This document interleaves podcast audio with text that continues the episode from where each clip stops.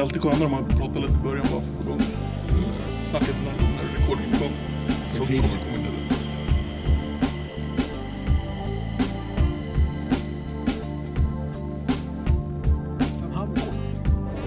in. Tjofaderittan Hambo ja.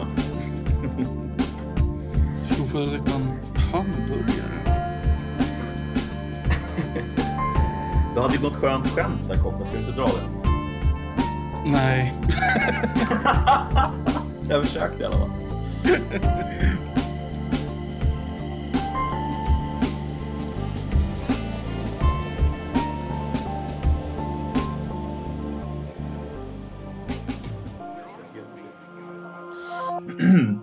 Ja, då ska vi passa på att hälsa alla välkomna till ännu ett spännande avsnitt av Koffepodden med mig, Koffe, och som vanligt. Nedden? Och denna veckan har vi ett kärt återseende. Det är nämligen vår kära Von Adler som är på tillbaka besök, eller hur? Trevligt. Visst är det trevligt. Och vad an detta för besök, Von Adler? Vad ska vi Ni prata om idag? in, ni bjöd in mig så det borde ni veta. Ja, just det. Nej, ni ville prata antiken. Och om den, eh, att läsa den i skolan är relevant eller inte. Just det. Precis. Det är ett spännande, rykande färskt historieavsnitt om antiken.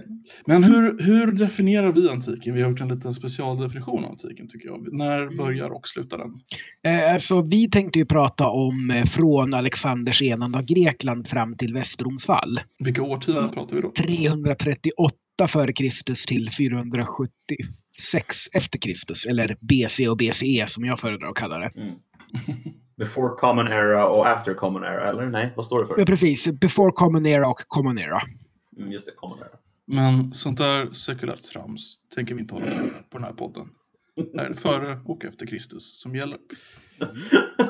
Fair Så enough. det är så. Halleluja. Men varför börjar vi i Makedonien? Alltså, eh, det är det- en av anledningarna jag, varför jag tycker det är ganska relevant att studera antiken. För det är här som den första, vad jag skulle kalla moderna staten uppstår. Eh, därför att det finns statsbildningar och så vidare och stamfederationer och eh, imperier också under persiska riket och så vidare innan dess. Men Makedonien är första gången som staten äger alltså produktionsmedel och har inkomster nog att själv utrusta en armé. Man litar sig inte på att ni i det här området måste ställa upp 10 000 man, kom hit. Och så kommer det 10 000 gubbar i, eh, med nakna överkroppar och träpinnar. Vilket, var standard på den tiden. Men eh, makedonerna då tar ju silvergruvor i det som idag är södra Makedonien då och eh, norra Grekland. Och in, från inkomsterna här alltså bildar de en armé där man utrustar de lägsta klasserna och drillar dem till falangen och skapar då kompetent tungt infanteri av de lägsta klasserna. Och det är nog första gången i världshistorien som vi vet det händer. I alla fall i Europa. Vilken kung var detta sa du? Det är, det är kung Filip av Makedonien, Alexander den stores far, som eh, genomför de här reformerna och skapar falangen. B- bara för att ge lite kuriosa till, till och lite tidpunkt. Vad, under den här tiden, när Makedonien enas, vad gör Rom då? Eh, de har fullt upp med att gå över från att vara kungadöme till republik. Och att bli plundrad av gallerna. Mm. Så det är fortfarande Rom- Roms eningsprocess då i Italien? Kan man säga det? Ja, nej, Rom har inte börjat ena Italien än. Nähä. De har ett område kring Rom och slåss mot samniterna runt omkring sig. Okej. Så att det kommer dröja ytterligare 50-60 år innan de blir en, sto en stor makt. Mhm. Så det tar så lång tid alltså? Ja. Alltså Rom börjar ju ena, de enar ju centrala Italien eh, på 200-talet före Kristus. Och så sen har du deras stora grej när de erövrar då samniterna. Eh, nu kommer jag, men det är i början av 200-talet eh, före Kristus. Eftersom det jag var tvungen att använda. Halleluja! Eh, och eh, sen hamnar de ju i krig med grekerna i det som kallas Stora Grekland i södra Italien. Och så kommer ju Pyrrhus då som är en av arvtagarna till Alexander den store och kontrollerar kungariket Epirus över med sin makedonska armé och slår romarna ett antal gånger men förlorar så mycket varje gång så blir ju upphovet till Pyrrhus-segern han säger en sådan seger till och jag är förlorad. Just det. Ett väldigt känt uttryck. Jag tänker att vi kommer fortsätta återvända till, till Rom, men bara för att eh, få lite känsla för tidsåldern. Vad händer i, i i Persien till exempel vid den här tiden? Mm. Bara, bara enkelt. Persiska riket har ju återförenats efter en serie revolter. För de har ju försökt erövra Grekland vid, vid Marathon och Plataiai och eh, vid eh, Salamis. Misslyckats. Att, eh, rent generellt, alltså grekerna har byggt kolonier på det som idag västra Turkiet är kusten till Egeiska havet. Och de har perserna erövrat. Och så har grekerna i Grekland stött revolter mot perserriket. Perserriket har sagt nu ska vi slå ner de här jävlarna. Och marscherat ner med, med Xerxes och jättestora arméer och så vidare och fått stryk. Och i Grekland finns det en, en av de få saker som alla greker kommer överens om. Det är att perserna borde få stryk. Eh, det är liksom, de är inte överens om någonting annat i princip. Men att perserna borde ha stryk, det är alla överens om. Så när Filip av Makedonien erövrar ju och förenar Grekland till, eller ja, han förenar många av stadsstaterna till en liga som är lojal mot honom och Makedonien. Och bestämmer att nu ska vi erövra Persien och så blir han ju lönnmördad. Och då är det hans son som får göra hela grejen. Okej. Och innan vi fortsätter på Alexander den stora, bara min eh, lite lätt nationalistiska ådra.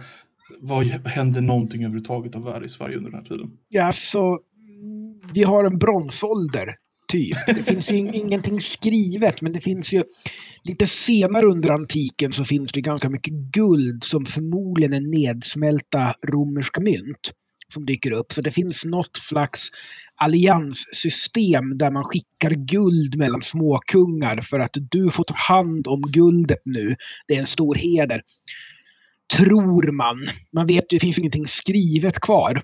Och det, är liksom, det som finns för romerska historiker är väldigt magert. Okej. Så det finns ju diverse gamla nationalistiska teorier. Det finns ju här i början av Roms historia kommer ju germanska folkgruppstammen simbrerna inmarscherande och tycker att här ska vi bo. Och så besegrar de romarna ett par gånger innan de får stryk och alla blir ihjälslagna och sålda som slavar. Som man blev på den tiden.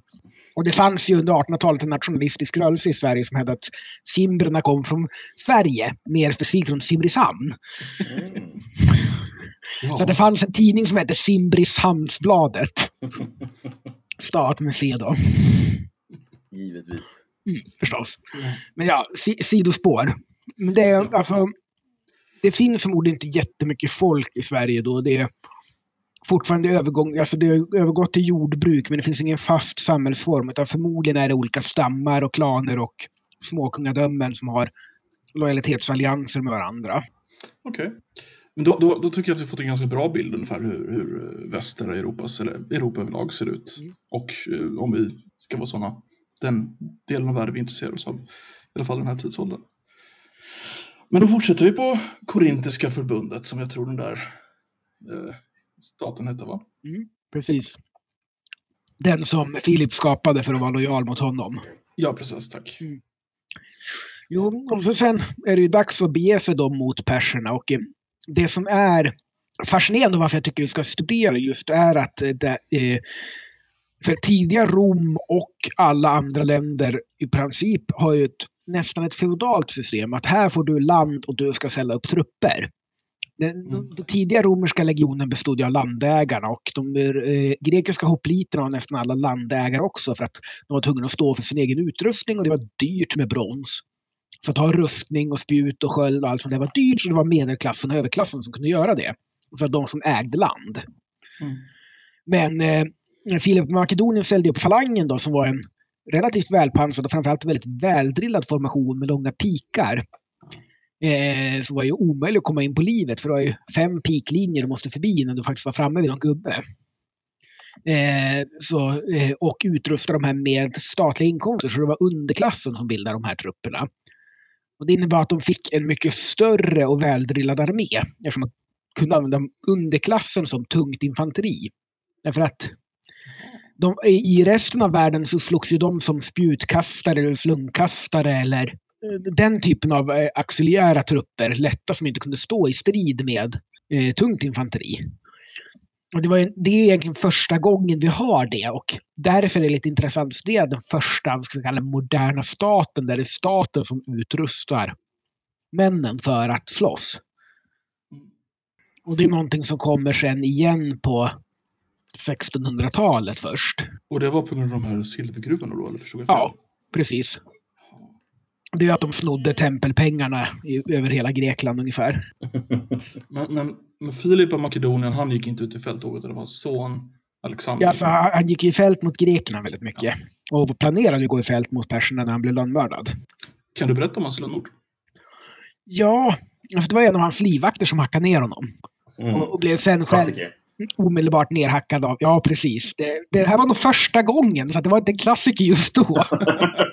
Eller första gången vi vet med säkerhet och det är nedtecknat. Liksom. Sen blir den livvakten nerhackad direkt och det är många som skyller på eh, hans eh, första frus, då, Alexander den stores mor. Därför att han Mm. hade gift sig igen och hade barn på gång med en ny fru. Och det var prat om att han ska göra det barnet till arving istället för Alexander den store. Var vi då Alexander den store och hans mor eventuellt ska ha legat bakom den här komplotten. För att den nya frun och barnet dog väldigt, väldigt fort och av väldigt, så kallade metallförgiftning, vass metallförgiftning, Mm. strax efter detta. Som Finns det är, några bra belägg för det då? Eller är det bara liksom en det, det är ju en, en, det är en teori, men den är ju ganska sannolik. Mm. Så vem som var inblandad och vem som gjorde det, det kan ju ha varit liksom någon tjänare till henne som tyckte att jag skyddar min härskarinna och gör det här. Eller det finns ju många fall i historien där när mycket av härskares makt och så är luddig. T till exempel ska ju, om det var Henrik den andre var det, som hade problem med en katolsk präst som inte riktigt gjorde som han ville. Och vid något tillfälle i frustration då yttrade kan ingen göra mig av med denna jobbiga präst. Varvid någon Mm. i hans hov tolkade som okej, då går jag och slår ihjäl fanskapet då. Och det var inte riktigt det Henrik den andre ville. Men sådana saker händer i historien att eh, man, eh, en härskare som alltid är omgiven av folk som vill ställa sig in säger någonting för att de är irriterade och så okej, men då går jag och gör någonting då. Det kan vara ett sånt fall också. Men Plausible deniability. ja, det också. Kan jag säga så att Mm. nej, jag vill naturligtvis inte att Filip dö, av Makedonien dör, men om någon gjorde det skulle jag ju inte vara missnöjd. Wink, wink, nudge, nudge. Exakt. Så man vet ju inte, men det är en ganska allmänt accepterad teori att hon låg bakom det. Okej. Och Eventuellt även Alexander. Om vi då fortsätter på Alexander då. Börjar prata om hans lilla erövring av... Ja, lilla. Vad, Allt. vad erövrar han egentligen? Ja, i hela den kända världen förutom Rom och Kartago typ. Mm. Så eh, han gav sig på Perserriket och Indien och delar av Arabien. Och det som inte var... Egypten. Det som fanns... Ja, Egypten var ju en del av Perserriket då. Jaha, tack. Så han tog ju det. Ja. Eh, så att, det- och en av hans arvtagare då, Ptolemaio, Ptolemaios, jag vet inte exakt hur det ska uttalas, tog ju över där. Och Kleopatra var ju en direkt ättling till honom. I alla fall, så att det är sidospår igen, men hon var ju makedonska, inte egyptiska. Okej. Det, det, det där med hela den perioden i Egypten, alltså att Mm. folk har en väldigt stark bild av att det fortfarande är Egypten, men det är väl ganska mycket romarriket och Grekland. Liksom. Eller ja, Ja, alltså eh, på Ptolemaiska dyn- dynastin tog, antog ju en del eh, lokala egyptiska traditioner och kallade sig faraoner och började gifta sig med sina syskon och lite annat dumt. Mhm. Men eh, ja, de var makedoner och greker. Huvudsakligen. Och deras arméer slogs på det makedonska och grekiska sättet. Mm. Men vi i alla fall var... Nu tappade jag bort mig för alldeles inte Nej, men du, var, du, var, du var på väg in i Iran och Persiska Ja, precis. Alltså det persiska riket var ju den tidens absoluta stormakt och det var ju här alla pengar fanns också. Man ska inte underskatta det som kallas den fertila halvmånen. Det är liksom, går från Nildeltat i Egypten genom Israel, Libanon, över Eufrat och Tigris, genom Irak och hela vägen ner till Persiska golfen. Det kallas den fertila halvmånen för det blir en halvcirkel. Ja. Eh, och det, där, det var ju där all civilisation uppstod. Och det var där som allt överskott i mat och så producerades som andra använde. Eh, så att det var... Eh, och sen lite längre österut i Persien också. Men det är liksom... Och så har du Indusdalen och så har du Kina. Det är de liksom Mm. tre civilisationscentra vi har i världshistorien från början. Mm. Mm. Och det fanns ju enorma mängder pengar här. Och pengar, pengar, pengar, pengar. Så det fanns ju hur mycket byte som helst att plundra och det gjorde de ju också. Eh, så att de marscherade in och vann ju två stora slag mot perserna och ett par riktigt feta erövringar. Eh, belägringar, bland annat Tyre där de gjorde Tyre som låg på en ö till en halvö för att erövra det. Är, fortfarande en halvö. Det, det säger en del om hur... hur ja. Belägringen av Tyre, så här, de tyckte att vi är på en ö, ni har ingen flotta. Nej, nej, nej, nej. Och då säger så Alexander Florin, ja, snart är ni inte på en ö längre. Och så såg han till det. What? Sa du? Var ligger det här ungefär? Eh, det ligger i nuvarande Libanon, har för mig. Ja, mot på kusten då antar jag. Mm. Oj. Det var en ö en gång i tiden, men numera är det en halv ö. De, de räknade ner så mycket sten i att We're gonna get over there and we're gonna hit you in the face. I höjd med, med Damaskus ser jag. Ja, han Fascinerande. kanske ligger i ja, Libanon eller Syrien. Ja, det är svårt att avgöra. De gjorde motstånd i alla fall och Alexander Store sa att jag ska slå er i ansiktet. De bara, hur ska du göra det? Hur ska du komma hit? Jo, då vänta ni bara. det är en av de roliga. Jag samlar lite på historiska anekdoter och Ja. eh, vansinniga saker folk gör i historien och det är en av de bättre. Skulle man kunna säga att Alexander den store var lite målmedveten? Det skulle man nog kunna säga. Det är väl en, ett av hans mer definierande drag. Det var det va? Ja. Jag ska göra det här. Det spelar ingen roll vad motståndet är. Jag är utvald av gudarna för att göra det här. Eller jag talar om för er att jag är utvald av gudarna att göra det här, så gör det det åt mig. Visst stämmer det att han grundade staden Alexandria i norra Egypten? Eh, alltså, vet du hur många Alexandria det finns? Ja, men den som vi tänker idag som Alexandria? Ja, den grundades honom. Och ungefär 30 eller 40 andra Alexandria. Okej. Men den som vi tänker, i, i, var, varför grundade han den där? Det behövdes en bra hamnstad i deltat. Och sen var det bara namnet han tog, för han tog det namnet på allt och helt Ah, ja, ja, alla städer han grundade hette Alexandria i någon form eller annan tror jag. ja, ja. En Jag tänkte dem, fråga varför han fick namnet, men det är väl uppenbart då. ja, efter honom. Ja, vilken snubbe alltså. Men eh, vad gjorde han efter... Eh, för att han, han gick ju mot, eh, mot Iran där, och sen, eller Ja. mot eh, Persiska riket. Hur, hur lång tid tog den kampanjen för honom? Var det? Ungefär? Och nu ska jag komma ihåg. Han började ju vara 333 eller något sånt. Och sen dog han. För han ma- marscherade ju över hela Persiska riket och så till Egypten och tog det. Alltså, först vann han ju ett slag och sen vann han ett till ett litet slag. Sen vann han ett stort slag. Och sen belägrade han Tyre. Och sen tog han Egypten. Så var han nere i Arabien lite grann. Och så ser han österut och vann det sista stora slaget. Sen erövrade han Afghanistan. Och sen var han in i Indien och sen tillbaks och sen dog han. Mm. Alltså, vilka, Mm. alltså... Helt galet ju. När man tänker på det. Skulle du, får jag fråga en, sak, en annan sak som är kanske sån här sak som jag har hört som folk påstår, som jag inte vet om det stämmer, men folk säger att en av de få eh, historiska karaktärer vars påverkan på vår historia eller vår nutid, samtid är störst, förutom då till exempel Jesus är eh, fakt- och Mohammed, är eh, just eh, Alexander den store. Skulle du säga att Alexander den store har haft så stor påverkan som folk påstår eller är det liksom eh, lite hyperbole? Eh, det beror lite på hur du definierar det. Alltså han erövrar Perserriket och ersätter det. Men samtidigt faller ju hans rike sönder omedelbart efter han dör och delas upp i ett gäng arvriken. Mhm. Så han lämnar ju inte på... Alltså, det, det han lämnar som ett efterlevande det är ju att den grekiska kulturen dominerar hela östra medelhavet och hela Mellanöstern. Mm. I princip fram till Muhammed. Då araberna kommer ut och tar över. Men, men förstår jag det rätt då? Så att alltså, de, här, de här city states eller stadsstaterna Stadsstaten, ja. som existerade i, eh, i Grekland, han, han i och med Makedonien, de tog över deras kultur och spred den över hela världen. ja, det skulle man kunna säga. Alltså, Makedonien var ju eh, ett grekiskt kungadöme. Sen tyckte ju en del av de här grekiska stadsstaterna att de var ju egentligen inte grekiska på riktigt. För de var ju kungar. Och det var ju inte fint att vara kung liksom. Eh, du skulle ju ha en tyrann. Eller, eller en, Ah. eh, ja, sådär. Och eh, Eh, de var heller inte doriska greker så det var inte riktigt fint nog. Men de var ju väldigt starka och de era perserriket, så okej okay då.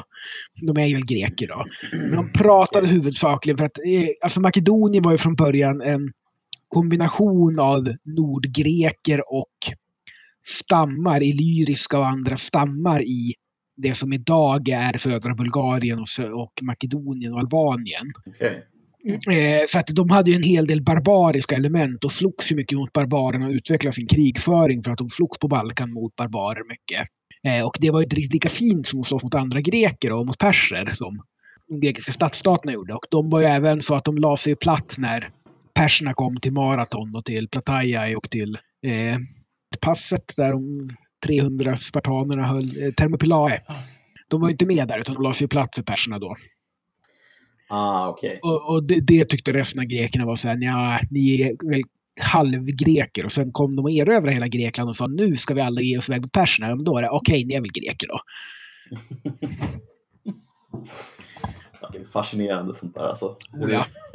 Vad är det man säger? Ödets ironi eller sånt där.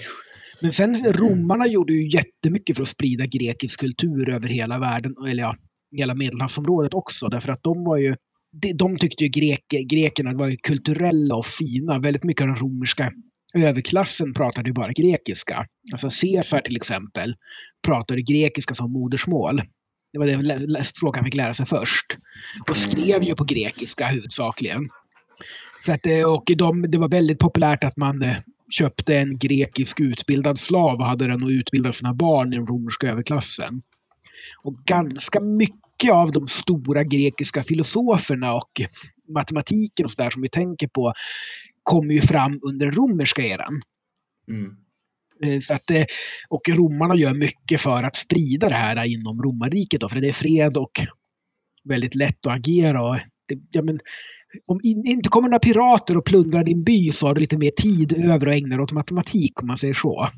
Mm, Litteratur. Det underlättar.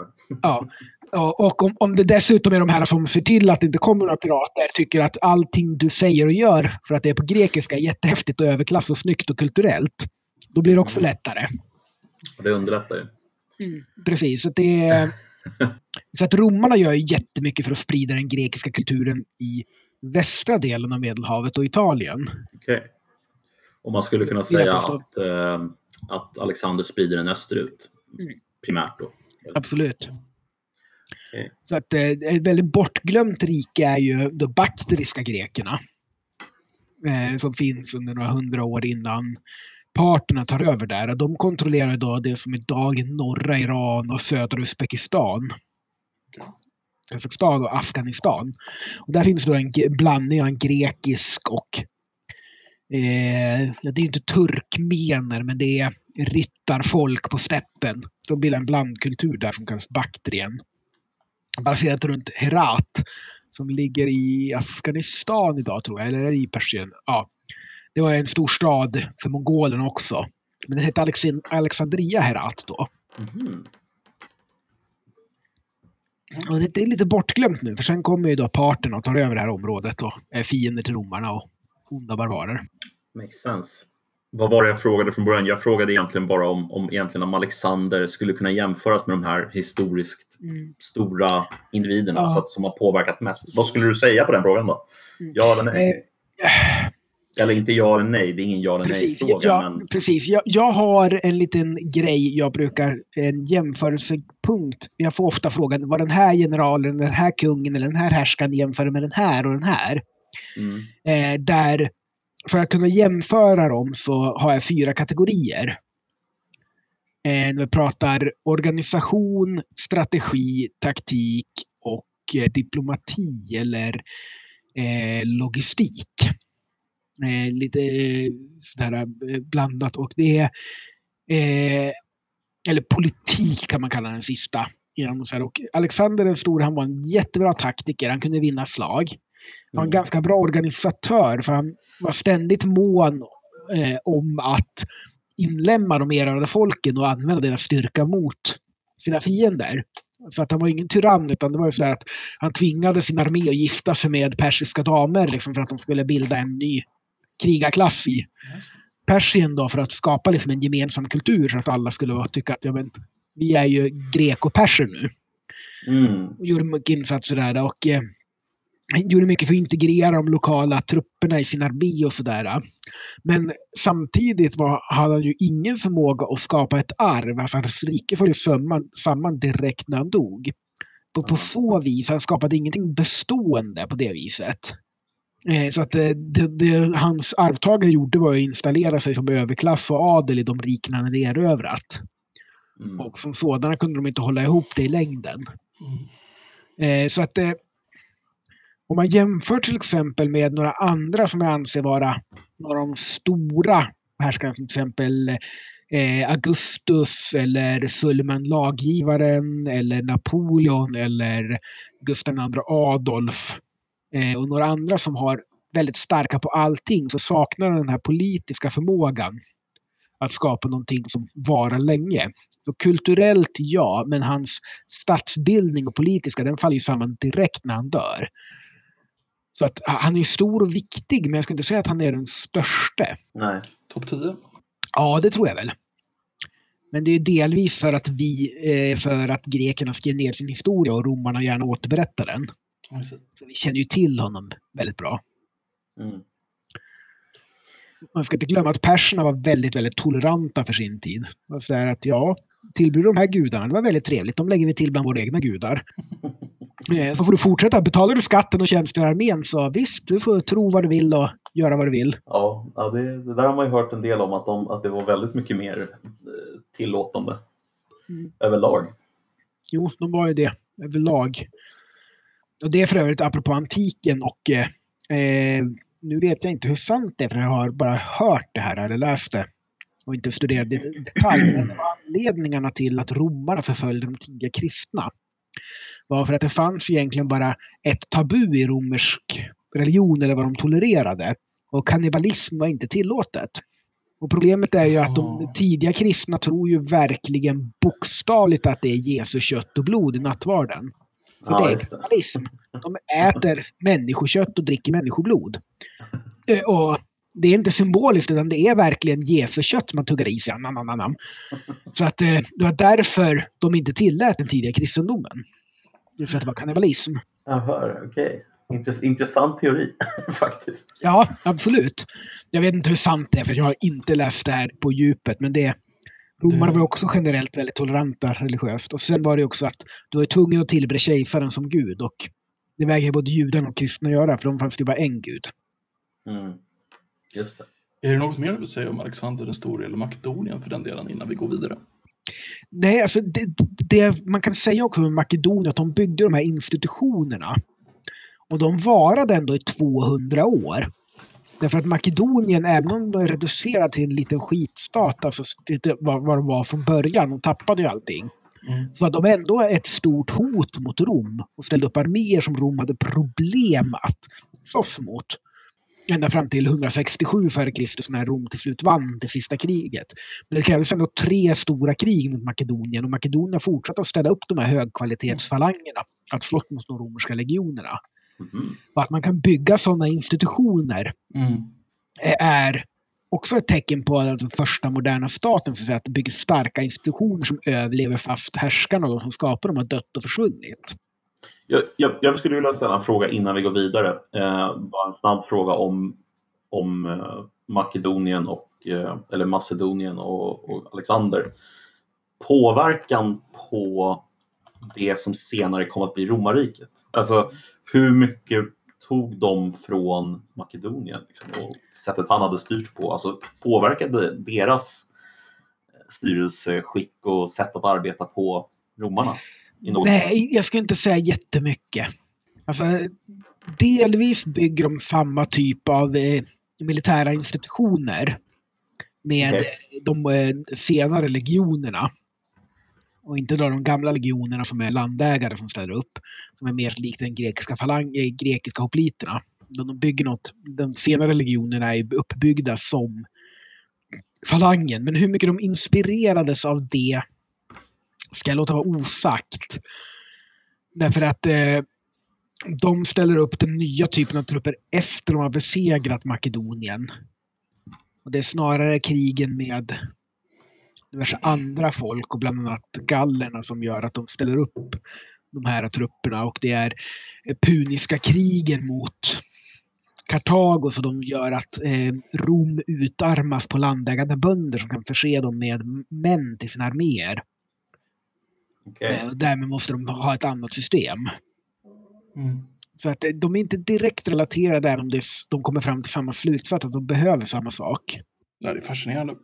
Stämmer det där citatet förresten? När Alexander kollade tillbaka på sin bredden av sin domän så grät han för att det fanns inte fler världar att erövra. Nej, alltså det fa- fanns ju fortfarande Kartago och det fanns fortfarande Rom. Och de var liksom civiliserade områden och det fanns Magna Graecia, alltså södra Italien och Sicilien, också att erövra. Mm. Så att eh, det fanns ju saker kvar att erövra och han ville ju också, innan han dog var han på väg för att erövra Arabien. Mm. Eh, det som kallas Arabia Felix, alltså lyckliga Arabien. För att det var där eh, rökelse uti- eh, producerades. Och det var väldigt rikt där då. Så att, och dessutom hade han ju inte blivit tillbakaslagen i Indien. Så där visste han ju att det fanns mer att erövra också. Så att med största sannolikhet är det en myt. Okej. Eh, Det finns en väldigt populär podd som handlar om det romerska riket och den har flera hundra avsnitt. Och nu tänkte jag att vi skulle sammanfatta den podden på några minuter här. ja, ambitiöst. Ja, alltså vi kan ju inte prata om antiken utan att prata romarriket i alla fall. Det måste Absolut. Så, så om vi helt enkelt börjar med, hur, hur går Rom från en stadsstad till, till, till ett rike eller till en republik i alla fall? Alltså det som eh, slår mig med Roms tidiga historia är hur jävla envisa fanskapen är. Det de får stryk igen och igen och igen och igen. Och, så här. och då blir de bara argare och ställer upp nya arméer. Och nu jävlar, ni gav oss stryk så nu ska ni ha stryk era jävlar. När andra folk liksom ger sig eller blir erövrade så är romarna så här, då ställer vi upp ännu mer trupper. Och det är väldigt tydligt till exempel i andra puniska kriget när eh, Hannibal förintar den romerska armén vid Cannae. Mm. Det sägs att 80 000 romare dog liksom. Det är förmodligen överdrivet, men det är ändå liksom en enorm armé som förintas. De bara ställer upp en ny. Vet du vad du gjorde din jävel? Now you did it! Och det är väldigt tydligt. Det är samma sak i Spartacusupproret. Han besegrar flera romerska arméer, de ställer upp nya. Alltså, är det här en fråga bara om att man hade en fruktansvärt stark logistisk maskin bakom Alltså, sig? Eller är det liksom... Det var ett välorganiserat samhälle där de hade väldigt välskötta eh, alltså skatteskrivningar så man visste vilka man kunde kalla in som soldater. Okej. Okej. Eh, och man hade en eh, överklass som såg sig som sin naturliga del att tjänstgöra som officerare och generaler och man hade ju det här systemet med konsuler då, man var konsul på ett år. Då hade man bara ett år på sig att göra sin erövring. Så det var liksom där, ställ upp trupperna fort. Vi måste ha allting klart så de kan vara färdiga i mars och marschera liksom. Jag har bara till december på mig. Eller vad det var då. då men, Mm. eh, och erövra någonting och tjäna pengar och bli rik och stor och mäktig. Skulle du kunna placera det här i tid någonstans bara? Så att vi får liksom... Alltså det, vi pratar ju innan de mariska reformerna, så nu pratar vi 280 fram till 160 någonting före Kristus. Okej. Eh, och det är då de går från att vara en stadsstat som dominerar sina omedelbara grannar till att bli ett imperium. Okej. Är, det, är det egentligen den här skatteskrivningen som är den största anledningen till att man kan bli ett imperium? Skulle du säga? Eh, jag skulle säga att de är mer effektivt organiserade än sina grannar. Okej. På så vis kan de erövra sina grannar och bråka med dem och så kan de ge sig på... Vi har ju det här 280-talet som är, eller 270-talet, 280 och framåt före Kristus som är liksom när Rom går från att vara en stark lokal makt till att vara ett imperium. När de kan besegra Magna Grecia och de kan vinna första puniska kriget mot Kartago. Och, och liksom dominera hela italienska halvön och sen gå upp och spöa gallerna som ett hundra år tidigare plundrar Rom. Just det. Eh, och eh, då sen gå in i Italien och ta silvergruvorna, nej, förlåt, Spanien och ta silvergruvorna från Kartago där och så vidare och så vidare och så vidare. Och, och det, det, är någon slags dedikation de har. För att under första puniska kriget så är Kartago överlägset på havet. Så då uppfinner de en ny sorts skepp och ny bordningstaktik. De fäller ner en brygga med en järntand på så att de låser fast det andra skeppet så de kan bara rusa över bryggan. Istället liksom för att hoppa över eller svinga sig över med rep och sådär. Ja, då, då gör de till ett landslag som de är bra på till havs. Jaha. Så att det, det, det är mycket så här romarna gör att det här är vi dåliga på. Hur fan ordnar vi det? Okej, okay, då gör vi så här. Och det här. Vi gör det till någonting vi är bra på. Så att det, det är en kombination av att de har ett väldigt välorganiserat samhälle och väldigt väldokumenterat samhälle. Och att de har en pragmatiskhet och en beredvillighet att uppoffra sig för statens väl och ve. Okay. Skulle jag vilja påstå. Sen gör de ju de mariska reformerna och sådär så att de får de här professionella legionärerna som spöar allting som rör sig. De är verkligen designade för att vinna infanteristriden. Kan du, om inte Koffe har någonting att fråga där? Nej, kör du. Jag tänkte fråga bara, när du säger att de var designade för att vinna infanteristriden och att de Mm. alltså, mer eller mindre slaktade sina motståndare. Alltså, pratar vi då om, vi pratar inte om andra imperier då, utan vi pratar Jo om mindre, vi, vi pratar om imperier också i Kartago till exempel då, eller? Eller Kartago eller vad man säger. Eller, eller eh, p- de grekiska staterna och Makedonien. Mm. Ja, alltså, därför att eh, romarna bildar ett system då med, de har de här stora sköldarna och korta svärden. Mm. Där de, deras system är att först kastar de kastspjut som är designade med en lång metallspets så att de böjs när de träffar som kan inte bli tillbakakastade. Men de är gjorda för att förstöra sköldarna. De fastnar i sköldarna så de inte kan använda sina sköldar. Mm. Och sen är romarna sagt till med sina stora sköldar att gå in väldigt nära och trycka ihop linjerna. Och så bara vinklar de skölden och så sticker de med sitt korta svärd lite grann och så vinklar de tillbaka skölden. Ah. Och när motståndarna blir ihoppackade och inte vana vid den formen av strid och dessutom har förlorat mycket av sina sköldar så blir det väldigt... Romarna hade även ett system för att dra tillbaka en enhet och föra fram en annan i en slags schackbrädesformation. Eh, så att de kunde Mm. vila de som var då längst fram. På en, med en organisation som de andra inte hade. Och eh, just det här att de kunde ta de här eh, schackrutefyrkanterna och flytta dem runt var ju det som avgjorde varför de kunde ta hand om den makedonska falangen som de egentligen inte kunde hantera annars. För så fort den makedonska falangen hamnade i dålig terräng, alltså kullar och klippor och sådär, alltså började de få problem med att hålla ihop formationen. De här pikarna, och då blev det luckor. Och då gick romarna in med sina korta svärd. Då står du där med en sex meter lång pik och så kommer en kille stå rakt framför dig med ett 30 centimeter svärd och börjar sticka på dig. Har inte så mycket du kan göra. Han är långt förbi din pikspets redan. Ja, du kan släppa den där piken. Liksom. Det är det du kan göra. Mm. Eller dö. Precis, Men då släpper du förbi andra. Om du höll borta med den. Ja, precis. Mm. Exakt. Och, och då tappar du hela din formationsfördel. Så det är liksom damned if you do, damned if you don't. Mm. Eh, och, och det var ju liksom legionens flexibilitet på det viset som falangen inte hade som gjorde att de kunde vinna. Avbryter du? Nej, jag var klar. Tack gode gud. det var inte på det sättet, det var bara att jag inte ville att du skulle behöva bara börja om liksom. För, förlåt om det lät som... Ja, var, varför, varför bjuder ni in mig om ni inte tycker jag pratar för mycket? Nej, verkligen inte. Tvärtom. Tr- trötta i stämbanden efter alla era egna avsnitt så nu får någon annan prata för länge. nej, jag blev verkligen... Nej. Nej, men däremot så tänkte jag, kunde, kunde vi backa bandet lite här? Ja, Om, vi, om vi tar Rom går från en stad, en stad Mm. först enar de väl hela eh, italienska halvön va? alltså de ena först krigar mot samniterna som är deras liksom broderfolk, som vi egentligen kunna säga, i centrala Italien och ena Mm. centrala Italien. Jag tycker ganska stora drag här. Så, Och sen tar de ju Magna Grecia i södra Italien och Sicilien som är uppdelad mellan greker och kartager. Och så tar de även då norra Italien där det bor galler. mm. Det jag ville komma fram till det är invasionen av eh, Kartago och Spanien. För det var väl samma styrande folk? Ja, alltså Kartagen hade ju tagit över Ja. Span- Iberiska halvön. Mycket Ja. av det. Så jag, jag tänker ganska specifikt på andra puniska kriget. Mm. Och du kanske förstår varför. Ja, det är ju då eh, som Hannibal marscherar runt in i Italien. Mm. Och eh, romarnas motåtgärd är att inte slåss mot honom utan istället invadera Sicilien och eh, Spanien. För att ta ifrån honom hans källa till pengar och trupper. Hur långt in i, i Italien kommer?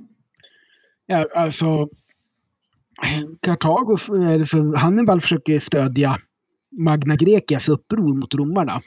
Så han är ju nere hela, i hela vägen till tåspetsen i princip. Jaha. Oj. Men han börjar i Spanien och sen så åker han hela vägen ner. Ja, han börjar i Spanien, så marscherar han över Alperna med elefanter och hela faderullan. Och så i, in i Italien eh, rekryterar då eh, legoknektar, eller ja, eh, galliska stamfolk. Och så ner i södra Italien och stödjer upproren då som en del av de grekiska stadsstaterna där vill göra mot Rom. Mm. Men, men Rom vinner and, andra puniska kriget. Ja, det gör de. Och vad vinner de då? Alltså, Kartago förlorar ju Spanien då och de får inte hålla en flotta och de får inte hålla en armé. Det är ganska hårda dessa krav på dem. Eh, sådär, så att eh, de bryter ju mot dem efter ett tag för de inser liksom att det går ju inte. Det är någon grannstat till dem som börjar agera riktigt arsligt för att de inte har någon armé. Och så försöker de bryta mot det och då kommer ju romarna och förstör alltihop.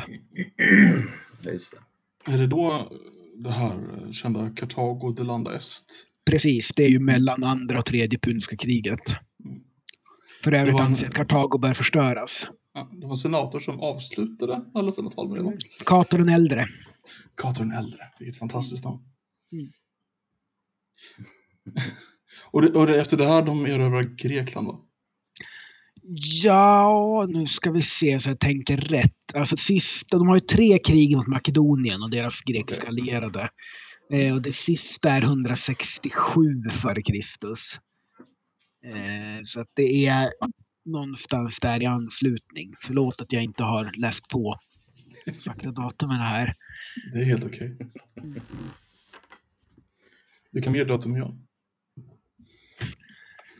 Ja, det vet jag så inte. Vi får mycket. se. Första januari, andra januari, Vilket år? eh, alla år. Fair enough. Fair enough. All the years. Men det här är fortfarande inte, de har fortfarande inte tagit Frankrike, de har fortfarande inte blivit ett imperium, det är fortfarande en, en republik. Jo, de är, ett impe- alltså, de är en republik men de är ett imperium. Mm. Okej. De utser ju guvernörer som plundrar delar av imperiet och de eh, har folk som börjar ha legioner som är så... Specifikt att Caesar hade ju inte rätt att invadera Gallien. Det gör ju han som en del av sin politiska karriär. Han behöver pengar. Han tar ju omkring en miljon slavar i och säljer i, Oj. eh, i, Galli, i, i Gallien och så han blir rikaste mannen i Rom. En miljon slavar. Det är helt sjukt. Det är ungefär vad man tror. Betyder det att Caesar är den största slavägaren i historien eller har det varit någon värre? Nej, han sålde ju löpande. Jo, jo men en, en, en, alltså en miljon är ändå en miljon tänker jag. Ja, det var, var ju också under tre år så där som man säljer löpande och tar liksom 10 000 här och säljer, tar 10 000 här och säljer och så vidare. Mm. Eh, och det var inte bara han utan det var ju soldaterna och officerarna och det var andra som också tog. Delade ju upp bytet inklusive slavar. Men ja, Okej, jag förstår. Men anledningen till att säga att det inte var ett imperium, det är att jag har alltid förstått att skillnaden mellan den romerska republiken och det romerska imperiet, det är just Caesar. Ja nej, det ska jag inte säga. Alltså, det är ju efter Octavian, alltså Augustus, Okej. som det börjar bli ett kejsardöme. Caesar blev ju bara utnämnd till diktator på livstid. Och gick ju till senaten för att prata med senaten och blev ju nerhackad där. Om man faktiskt var kejsare hade han ju inte behövt gå till senaten och prata med dem. Nej, alltså för, för en fråga om det. Alltså, om vi ska kunna komma fram till Caesar och hela den här perioden. Skulle du inte kunna prata lite först om Sulla? Och vad som, vad som Ja. egentligen föranledde hela den grejen. Och varför det var möjligt för Caesar att göra det han gjorde. Precis, alltså Sulla var ju först med att skita i de reglerna för hur mycket man fick vara diktator. Mm. Eh, Och när var man diktator? Alltså när, när tog man sig an den rollen? Alltså det var, Alltså, senaten egentligen. kunde ju utse en diktator i en kristid. Och det Mm. fanns ju en kulturell och tradition av att man var diktator, man gjorde det som behövdes och sen la man av sig manteln och tog ett steg bakåt. Det var det finaste man kunde göra. Mm. Så där, det, det grek, så här, romerska tidiga romerska historien är full av hur de framhåller att den här personen, den här personen var diktator och så ordnade han allting och så sen sa nej men nu ska jag odla gräs eller eh, säd eller någonting på min lilla gård här så nu får ni behålla den här diktatorsrollen, jag skiter i det nu. Okej. Att det, det var ingen som ville behålla den då för att det gjorde man inte.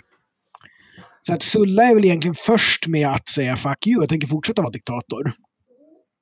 Eh, och att även att börja utrensa fiender och sådär, att förklara dem som statsfiender och att eh, eh få folk... Eh, för att folk sattes ju upp på listor då av statsfiender och sådär och så fick man ju deras tillgång om man hade ihjäl dem. Det var ju mycket folk som var rika som hamnade där bara för att de hade fina grejer. Men då, då är vi någonstans vad? 80 år före Kristus? Eller Någonstans där ja. Någonstans där va? Mm. Ja. B- b- bara lite förtydligande kring, kring eh, diktatorgrejen. Alltså, den romerska senaten kunde utpeka en, en diktator. Den här diktatorn fick då göra vad den ville hur länge den ville. Absolut makt. Absolut makt i alla ärenden. Ja, ja allting som hade med staten och militären att göra. Hur länge den ville. Alltså tills eh, krisen var över. Men hur definierade de krisen? Alltså det var, för, var det fördefinierat? Ofta, ofta var det ju liksom att senaten förklarade att hjälp, nu kommer de här sak- killarna och de har vassa pinnar och vi har inte lyckats stoppa dem. Vi behöver en diktator som ordnar det. Okej. Och när hotet var avvärjt då skulle diktatorn okej. avsäga sig diktatorskapet. Men det var upp till honom att definiera när det var slut. I princip. Det var ett hederssystem som hade funkat hyfsat fram till Sulla. Jag förstår. Och vad gjorde Sulla? Ja du. Kommer jag inte ihåg exakt, men han marscherade ju med trupper i Rom. Mm. Han var den första som... Mm. Alltså det här med att cross the Rubicon brukar ju folk säga. Korsa, Precis. vad är det man säger på svenska? Korsa, Rubicon. ja man säger Rubicon. Tack. Ja. Eh, han, han var väl den första med att egentligen göra det i praktiken. Precis. Inte Caesar. Liksom. Ehm, ja, men någonstans då, då kanske vi kan hoppa till varför Caesar, alltså hur, hur tänkte Caesar? Var, var, varför ville han, alltså, för han verkar ha varit en politiker av rang alltså. En eh, Det var han absolut. liksom. Han var väldigt skicklig på det viset. Eh, Samtidigt så fallerade han ju se mordkomplotten mot sig. Men liksom hur, alltså så här, vad jag, vad jag egentligen kanske försöker komma åt är om Caesar, var Caesar bara ett litet barn när Sulla gjorde de här sakerna eller var han inte född? Alltså är det här, han måste, det här, det här är inte långt efter. Han var ju, han var, måste ha varit född någonstans 100 före Kristus. Mm. Ja, Han var ju i 50-årsåldern, nästan 60 när han dog. Och det var väl jag kan kolla. 54, vänta. 53 före Kristus någonting. Så han måste ha varit född 100-110 någonstans före Kristus. Han är född 100 före Kristus, ja. Exakt. Och Ja. Sulla, eh, han är född, nu ska vi se, eh, 138 före Kristus. Ja, och död precis. 78 före Kristus. Så att eh, Caesar bör ha min, några minnen av Sullas agerande. Intressant. Ja, men kan vi inte snacka lite om Caesar och vad, vad han gjorde? Mm. Liksom? Vem var Caesar? Alltså, eh, alltså först och främst ska man inte glömma att Caesar var ett smeknamn, eller ett tillnamn. Okej, Han hette Gaius i förnamn och Julius i efternamn. Okej. För många säger Julius Caesar och tror att han hette Julius i förnamn. Det gjorde han inte. Gaius var hans förnamn. Mm. Okej. Och, Och Julius, Julius. Var, han- det var hans släktnamn. Ah, okej. Det var väldigt vanligt att man fick ett tredje namn i Rom för någonting man gjort eller något så vidare. Okej, Har- vet vi någonting om vad det här Julius skulle ha varit för? Alltså, Alltså Julius var hans släktnamn. ja, jo, jo, men alltså... Okej, då missförstod jag. Jag förstod det som att Julius som var hans släktnamn var ett namn som släkten hade fått för någonting de hade gjort. Men det är... Ja, men möjligtvis en väldigt dimmig, dimmig forntid. Ah, okej, okej. Så Crassus, Pompej, Caesar, Ja, 60 före. Kristus någonstans. V- vad är det egentligen som händer där? Alltså, de, bildar ett triumvirat för, att, för sina ambitioner. För att Crassus är den som är rik, Pompej är den som har militära erfarenheten och arméns lojalitet och Caesar är den som har politiska kunnandet. mycket. Han är den juniora partnern i det här väldigt länge. Fram tills han är Gallien och blir rikare än Crassus och Crassus bestämmer sig att han desperat behöver militär makt och eh, militär ära och går och blir ihjälslagen mot parterna. Det är en Mm. dålig idé att köra tungt infanteri och storma efter hästbågskyttar. Kan vi säga. Det går igenom historien ganska länge, fram till 1860-talet. Don't do that. Precis, men så han, han dör ju där. Eh, och då är det ju Pompeji och Caesar kvar. Och Pompeji inser att han kan få makt genom att allieras med de som vill ha kvar republiken och Caesar allieras med de som vill reformera det till något annat.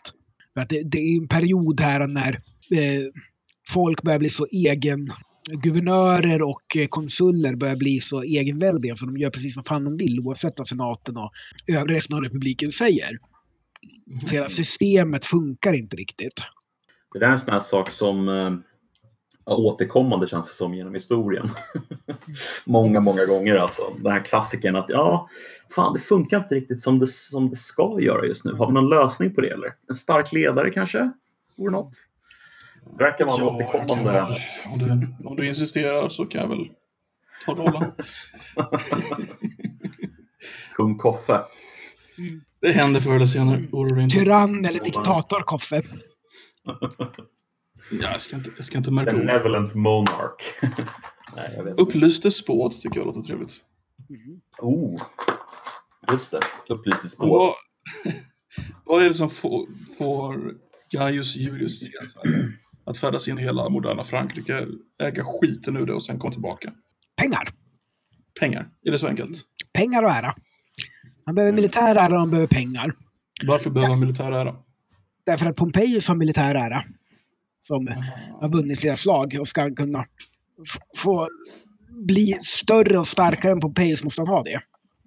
För det är en väldigt viktig del av den prestigen man har i den romerska republiken att du är en militärbefälhavare som har åstadkommit någonting. Och det går tillbaka till den här tidigare eran i romarriket som du pratade om tidigare, eller hur? Mm. Det är liksom historiens, ja, vad ska man kalla det för? Men eh, Jo, men det är en, en eh, väldigt viktig del. Liksom. Du behöver pengar, du behöver politisk eh, kapital och du behöver militär ära för att komma någonstans i den romerska militära eller romerska politiska hierarkin. mm, Och så dels behöver man bli en, vinna segrar och eh, slänga upp triumfer och eh, dela ut pengar som du har erövrat någon annanstans för att visa att du är en god romare och få folks förtroende. Och dels behöver du ha arméns förtroende för att de ska backa dig till någonting. Mm. Och Pompeji har det här, men det har inte Caesar. Så att, och vad finns det då som har mycket pengar och mycket folk man kan ta som slavar och är relativt nära? Och inte allt för jävla jobbigt att ge sig på. Du behöver ingen flotta för det till exempel. Det är ju gallerna. mm. Och därför så tänker sig Caesar att ja, men ger jag mig på dem så kan jag vinna den här politiska makten genom militären. Så att jag till slut kan komma till... Så att han har en långsiktig plan hela tiden att bli diktator. Det vill jag påstå, ja. Det, det skulle, alltså, hans ambition är någonstans där åt det hållet och han jobbar åt det hållet att bli mäktigare och mäktigare. Och han har en långsiktig idé väldigt mycket. Mm. Som sätt som de andra inte har på den tiden. Men, men förstår man liksom om han, alltså, om han hade den här långsiktiga planen, alltså var, var planen att, att liksom etablera det som sen eh, Augustus etablerade? Eller var, alltså det vill säga ett, ett imperium, eller var det snarare att lösa problemen som Rom hade? Alltså vet man någonting om vad han själv... Nej, alltså han hade ju en personlig ambition att bli diktator. Möjligtvis hade han tänkt sig liksom att republikanska systemet kunde elimineras eller kunde reformeras med honom som diktator på livstid och så skulle han utse någon annan som diktator på livstid efteråt. Men det, det är svårt att säga exakt, man vet inte exakt vad han tänkte. Men när han dog så höll han på och förbereddes för att invadera Partien. Okej. Så han tänkte sig ett annat krig och expandera Rom ännu mer. Mm. Det var ju eh, för att liksom ta tillbaks de romerska örnar som parterna hade tagit av Crassus. Mm, just det. Men sen så återvänder han till Rom Mm. och blir kejsare. Nej, Nej, vad blir han? nej, han blir diktator. Diktator för livstid. Ish, alltså det är ju ingen sluttid där. Jag tror inte han blir förklarad diktator på livstid för det är lite för mycket på näsan på republiken. Mm. Han är diktator. Och första konsul tror jag också om jag minns rätt. Diktator for life. Diktator perpetuo.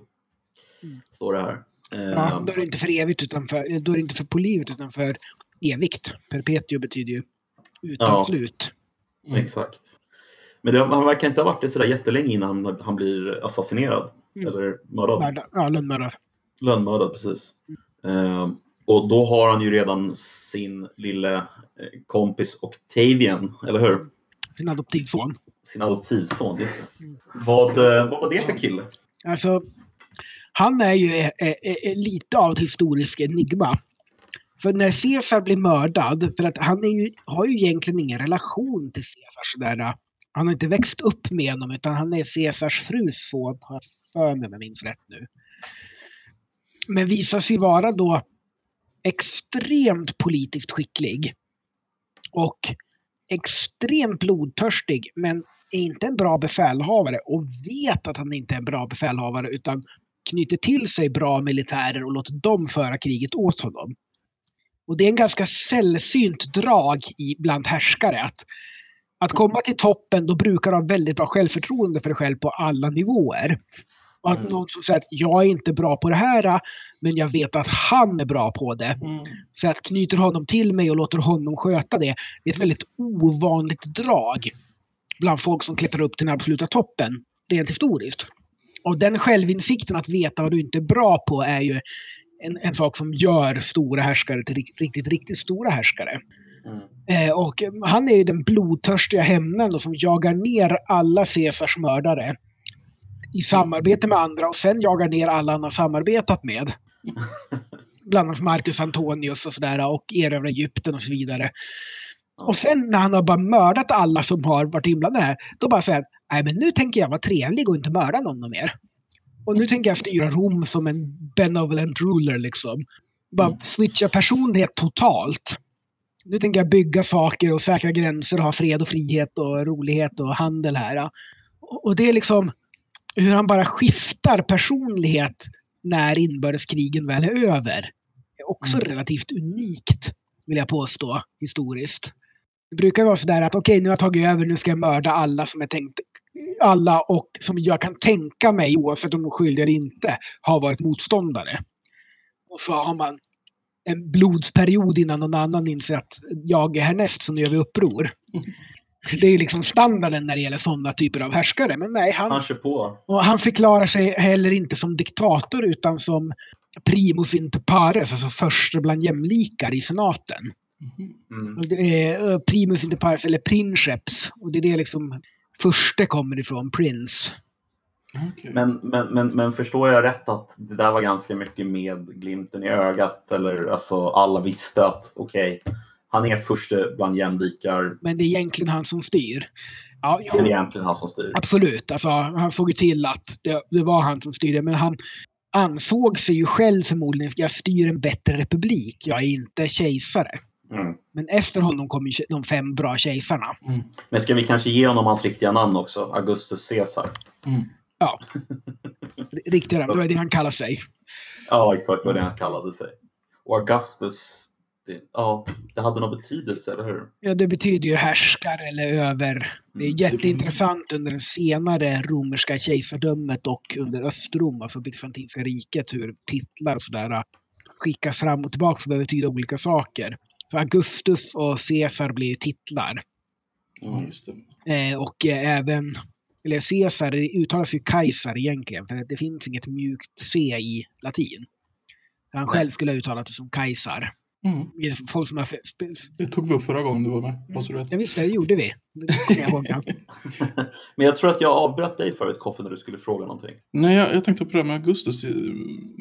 Det, blir ett litet sidospår. Jag hoppas ni är okej med det. Mm. Med tanke på när han föddes och när han dog. Han dog ju, han föddes ju 27 före Kristus och dog 14 efter Kristus.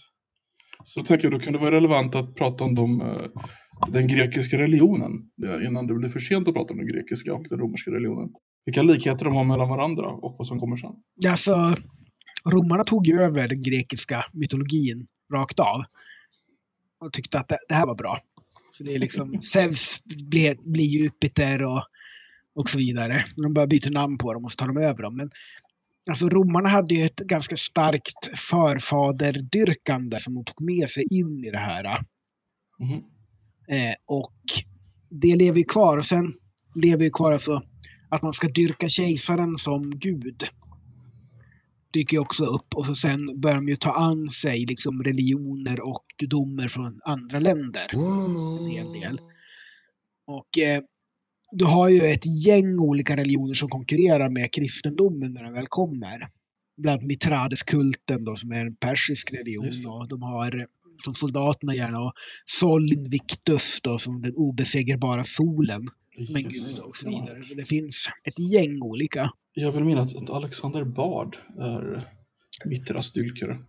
Jag skulle inte förvåna mig. Nej, jag skulle inte förvåna mig heller. För sig, du, du kan säga väldigt mycket om honom och så skulle inte förvåna mig ändå. Eh, han kan ha en, en, det här är en, eh, en väldigt fulhet, men han kan ha en annan likhet till eh, Julius Caesar. Eh, stämmer det att han var homosexuell och hade eh, epilepsi? Epilepsi har jag också hört att han Mm. hade. Men det var en barndomsgrej som han dolde väldigt väl. Däremot homosexuell, alltså man ska inte glömma att de har ärvt från grekerna vid den här tiden att det är fint att vara, ha homosexuella relationer. Mm. Eh, och eh, eh, det är liksom, man skiljer inte riktigt mellan you good bro och you good bro with benefits. Jaha. Eh, så att det är möjligt, men generellt så finns det ju ganska mycket belagt att han var en kvinnokar som låg med andra prominenta romares fruar. Mm. Eh, och eh, om man var helt och hållet homosexuell så skulle han väl inte ha gjort det antar jag. Nej, tydligen inte. Nej. Men det, alltså, det var så vedertaget vanligt att man var eh, lite böjlig sådär då. Ja, alltså det har, vi har ju eh, bland annat eh, om vi går tillbaks bakåt i tiden till de grekiska stadsstaterna så har du ju i, i Aten det här förhållandet mellan lärare och elev där de gärna ska ha sex med varandra också för att skapa ett samband. Och där spartanerna har att eh, du får inte gifta dig förrän du är 30 men du blir inte man förrän du har sex med en veteran eller en veteran spänner på dig. Vilket kan ske vid 12-13 år sådär. Eh, och det, det anses liksom i vissa grekiska stadsstater att men kvinnor har du barn och familj med, män älskar du. Wow. Eh, och eh, tebanerna har sitt sacred band, heliga band som består av homosexuella soldater som har förhållande med varandra. För det anses att de kommer slåss så mycket hårdare i stridslinjen om deras älskare står bredvid dem. Då kommer de ju aldrig fly. ja, det är, det är ingen Då- dålig logik. alltså, det är en intressant logik. Var det samma för kvinnor? Att var det accepterat att kvinnor var lesbiska och, eller bisexuella? Då? Det beror lite på.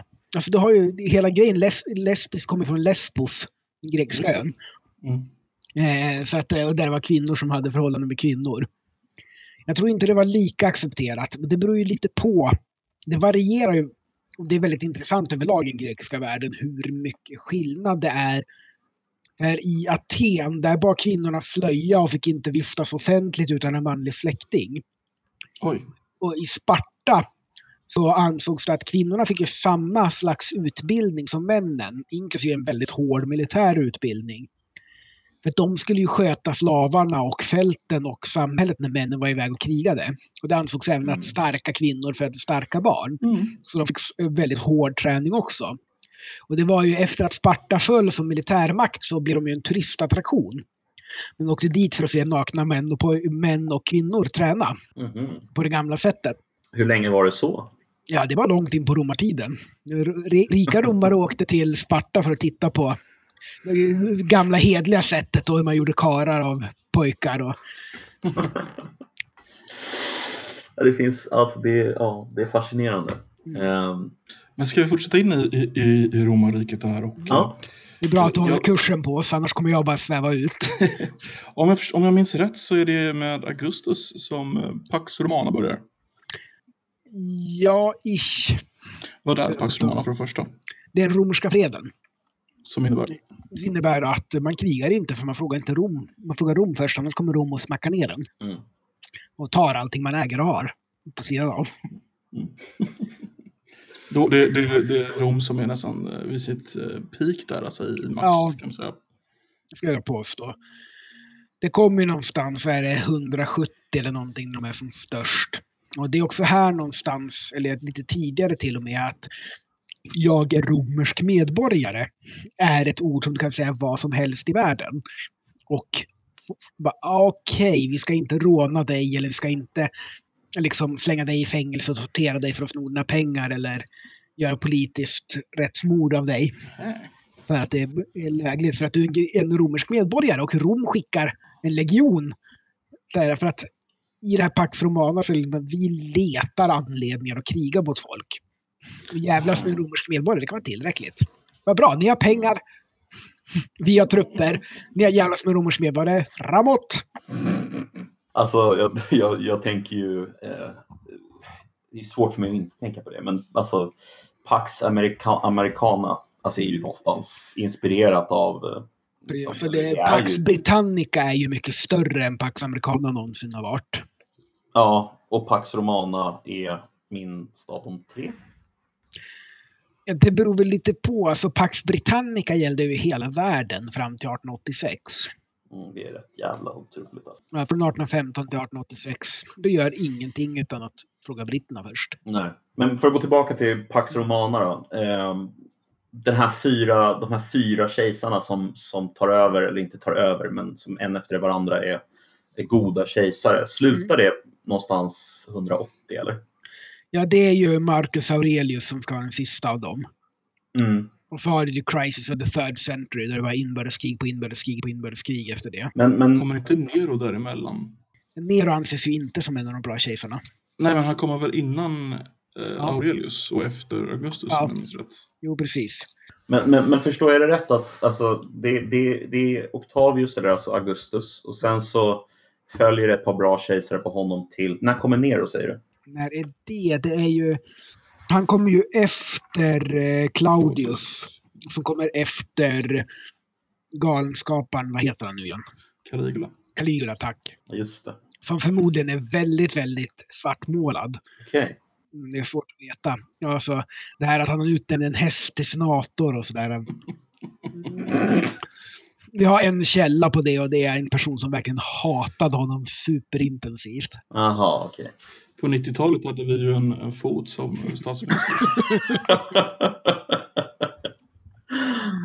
Men det är alltså Augustus, Ti- Tiberius, Caligula, Claudius, Nero. I den ordningen. Och alla tillhör ju samma familj då. Mm. Alltså Han Augustus. är adopterad, ja. Ja, adopterade självklart. Men vad är det då Eh. du menar med de här de, de fyra goda när vi har haft tre, två dåliga? Det är de fem goda som kommer efter det. Ja, efter det sen Alltså kom efter det, okej. så får du en period av stabilitet. Och sen blir det inbördeskrig på inbördeskrig på inbördeskrig. Och sen kommer 300-talet och då börjar det bli bättre. Och sen börjar det komma Hej, vi är tyskar och vi vill bo hos er. Vi flyttar in här nu. Ja, okej. Men om vi går tillbaka till, till, till Nero först då, och sen så går vi till de fem goda. Mm. Nero är ju känd för att han ska ha bränt ner Rom, stämmer det? Ja, förmodligen en myt. Det, Rom brinner ju under hans regeringstid, men det finns ingen anledning för honom att göra det. Okej. Däremot byggde han ju feta fartyg att segla på en sjö och ha fäste på. Ja, just det, det har jag hört. Det var... Åh, nu måste jag... Det är liksom jag spåra Och, och, och göra den första Finlandsfärjan måste ju vara credit på något vis. Men var det inte En fascist-Italien båt. som hittade en av de båtarna och sen Jo. så råkade de allierade bomba den? Jo, det stämmer. Ja, det Hur, stor, hur stor båt snackar vi om nu? Vi, vi pratar Finlandsfärjestorlek. Ja, det var helt sinnessjukt. Nej, gör vi det? Mm. Shit. Nästan i alla fall. Alltså, det var inte så många våningar, men det var ju till ytan var det Nej, nej, nej, men shit. det, de kunde ju bara segla på en insjö, så det var ju liksom... Mm. Jo, men någonstans måste man ju ha sina schyssta fester. Vet vi om det var taxfree? Vet vi om det var vad? Vet vi om det var taxfree? Jag tror inte kejsaren betalade skatt på sitt eget vin, va? Så det var nog taxfree. Fantastiskt redan då. Men sen så kommer då de fem goda kejsarna. Kan vi, kan vi prata lite om dem? Jag vet, den enda om dem jag tror jag känner till är Hadrian vars mur är ganska känd. Ja, precis. Och så har Mm, Aurelius som skriver väldigt mycket. Han kallas ju filosofikejsaren. Han är ju sist och blir mördad av sin son. Han var stoiker, va? Ja, precis. Han var vad? Stoiker. Och vad är det? Eh, Stoicismen var ju en grekisk eh, filosofi där du skulle hantera alla känslor och värden eh, liksom, världen kastade på dig med värdighet och självkontroll. Så att säga, vara en man typ. Ta det som en man. Eller? Jo, men också liksom att du kontrollerar dina egna känslor och dina egna reaktioner på saker. Du kan inte kontrollera saker som händer, men du kan kontrollera dina egna känslor. Ja. Och hur du reagerar på vad saker händer. Mm, Mm. Alltså lära dig att ja, men, meditera eller någonting när du blir upprörd. Att lära känna dig själv och hur du reagerar och kontrollera Mm. det. Ja, det är väldigt, väldigt intressant det där. Eh, Var det en religion eller var det en livsstil? Det var en filosofi, ska jag säga, så det är mer en livsstil än det är en religion. Så, men han var en vanlig grek, eller romare då, som hade den romerska religionen. Ja, ska jag Okej. påstå. Alltså han har ju skrivit en hel del och det är en hel del som tillskrivs honom som han förmodligen inte skrev. Mhm. Men Meditations skrevs av honom eller? Ja, det gjorde den. Men det, det brukar dyka upp mycket citat från meditation som faktiskt inte förekommer i meditations. Ah, okej. Bland annat om eh, Gud och naturen av Gud. Som inte förekommer. Ah, okej. Ja, han, han, han framstår inte som någon sådär superreligiös. Nej, det är han absolut inte. Han är väldigt logisk och väldigt, eh, du vet, fundera på dig själv och ditt inre och hur du reagerar på det här snarare än gudarna ordnar det här, bara acceptera. Exakt. Är det, är det omkring det här, det här, nu är vi väl omkring 150 till 200 år efter Kristus. Mm. Det är väl ungefär här vi sa att eh, romarriket var på sin absoluta höjd. Ja, Vet, vem av dem var det som var absolut höjd? Var det Aurelius? ja jag skulle påstå alltså han eh, hämnades ju för eh, Teutoburgskogen och eh, slog ner alla, eh, alla germanska stammar längs gränsen och sådär och gjorde fälttåg och körde mycket administration och skrev ju sina Mm. Har du sett filmen? meditation.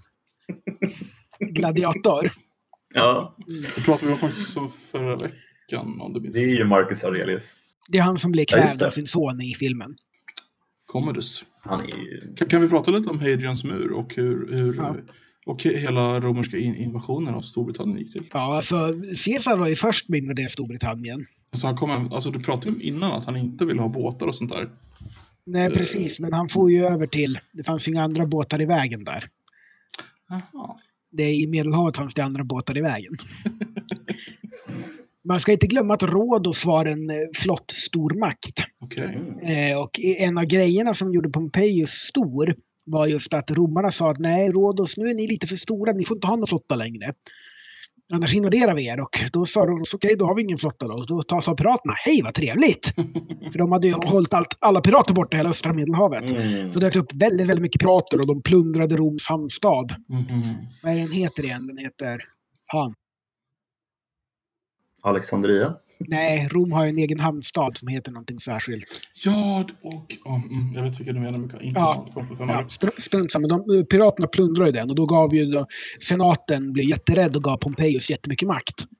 Så han rensade Mm. bort dem och erövrade då eh, Sicilicien, heter det på svenska, i sydöstra Turkiet, Medelhavskusten där. Okej. Samlade sig piraterna och försökte göra motstånd, men det gick inget bra. Och, eh, jaha, det är någon som protesterar här i bakgrunden, hör jag. Ja, det verkar nästan som Cili- att... Eh... Silicien var inte någonting den hunden tyckte om. Vad roligt. Koffe har en hund hemma hos sig. Vad mysigt. Jag visste inte ens att han hade en hund. yes.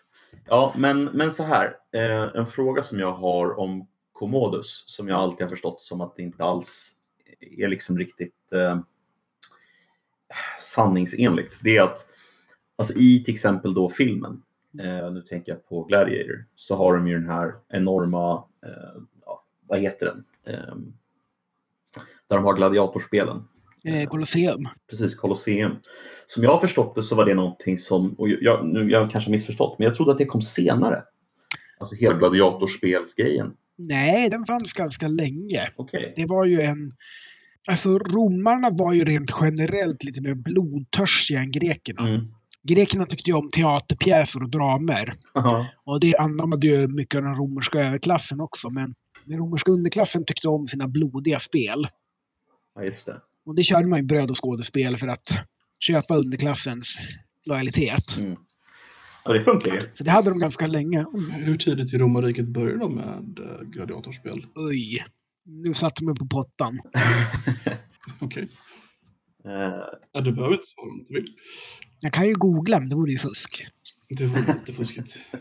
Men re- rent generellt, det var, var det något som var genomgående i hela romarriket? Det fanns ju kanske till och med... Väldigt länge, i alla fall fram tills kristendomen blev statsreligion. Då började det försvinna. Okej. Mm. Ja, det var ju ganska... Jag tänkte att vi skulle gå in mer på kristendomen sen när vi kommer till Konstantin.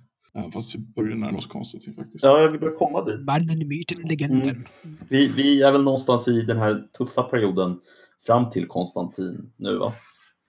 Vad var det egentligen som föranledde den tuffa perioden? Den börjar med Commodus skulle man kunna säga. Ja, så de, de får ju en tid med eh, när var, eh, Varangergardet höll på att kalla det, men det var ju helt fel. Praetoriangardet började sälja tjänsten som kejsare till rika romare för att få pengar då. Mm. Och så säljer de till nästa person och till nästa person och så är det legionerna i Spanien förklarar en kejsare och legionerna i Gallien förklarar en kejsare och legionerna i Britannien förklarar en kejsare och legionerna i Anatolien förklarar en kejsare och så ska man ha inbördeskrig om Mm. saken. Och så har de det i hundra år i princip. Hundra år. Ja, inte riktigt 200-talet hundra år. Ja, precis. 300-talet två- eller? 200-talet. 200-talet. Mm. Och sen stabiliseras det och sen kommer dyskarna och tycker hej, vi vill bo här. Det är trevligt ort. Ha- Hade de eh, sån dialekt? Det, det tror jag säkert. Hade de pratat svenska hade de pratat så. Goterna och vandalerna och. Vi är pratat svenska så hade de pratat. Men, men, men stäm, stämmer, det, inte- stämmer det inte att, eh, jag tror det var goterna och kanske vandalerna, att de blev ju romare egentligen? Alltså Ja, så det- de blev romers, alltså romerifierade eller vad man ska kalla det. Absolut. Alltså, väldigt länge hanterar ju Rom de här stammarna som kommer in. Okej, ni kommer in, ni får tjänstgöra i armén och få ett medborgarskap. Mm. Och, och särskilt överklassen var ju sådär, de antog ju liksom Ja, men ja, vi ska ha romerska, mer romerska än romarna. Eh, eh, så att det var absolut, i början var det väldigt många av de här som blev väldigt romerska. ah. Eh, och det, det är först i princip när frankerna kommer och goterna kommer som de börjar bli så många att nej, vi tar över det här och är oss själva. mm. Mhm. Men det är senare, eller? Nu pratar vi 400-talet. Hur kommer det sig att det går från att de krigar med eh, tyskarna, eller goterna, till att de bjuder in dem till, till Rom? Alltså de, eh, problemet är ju att romarna säger att det här är bra killar att använda för att slåss mot andra. Mhm. Jag köper deras lojalitet och så sen, men vad fan, börjar ni plundra stan nu? Vad gör ni? Bara för att jag tog hit er ska ni ska slåss för mig, inte för er själva. Vad i hela friden? Alltså det misstaget har gjorts många gånger i historien att jag använder de här mot mina fiender. Vad fan, har ni en egen vilja? Hur, var kom den ifrån? Klassiker. Ja. Ja, Då är min fråga, är vi vid Konstantin nu då kanske? Någonstans, nej, vi har nog gått förbi Konstantin nu. Då går vi tillbaka till Konstantin. ja jag, Jag tycker det är svårt att prata romarriket och inte låta Konstantin. Um, Absolut. vad, varför tror du att jag vill prata om Konstantin? Vi säger så helt enkelt. In hoc signo vinces tror jag du vill prata. Försöker du ragga på mig? Ja. Du och jag och en sköld med en symbol. Wow, alltså. Ni två. You guys, get a room. Ja, du, är bara- du är bara avundsjuk. Du kan få vara med om du- segra. Måla din sköld med ett P och ett kryss du också så kan du få vara med. Nej, fy fan. Usch. Då får du drunkna i en flod istället. Ja, Jag tror fan får bli så. i alla fall. Konstantin är den uh, kejsare som kristnar imperiet, eller hur? Ja, Och det här är alltså ungefär 350 år efter. Ja. Vad är det som hänt? Vad är det som har lett upp till att det blir vad är en förtryckt, Det var här allt gick fel. ja, från, från, från ingenting till en förtryckt minoritet till att bli statsbärande kyrkan? Mm. Vad, är, vad är det som hänt här? alltså. Du har ju att de kristna börjar eh, trycka på att ge till Caesar vad är Caesars. Mm.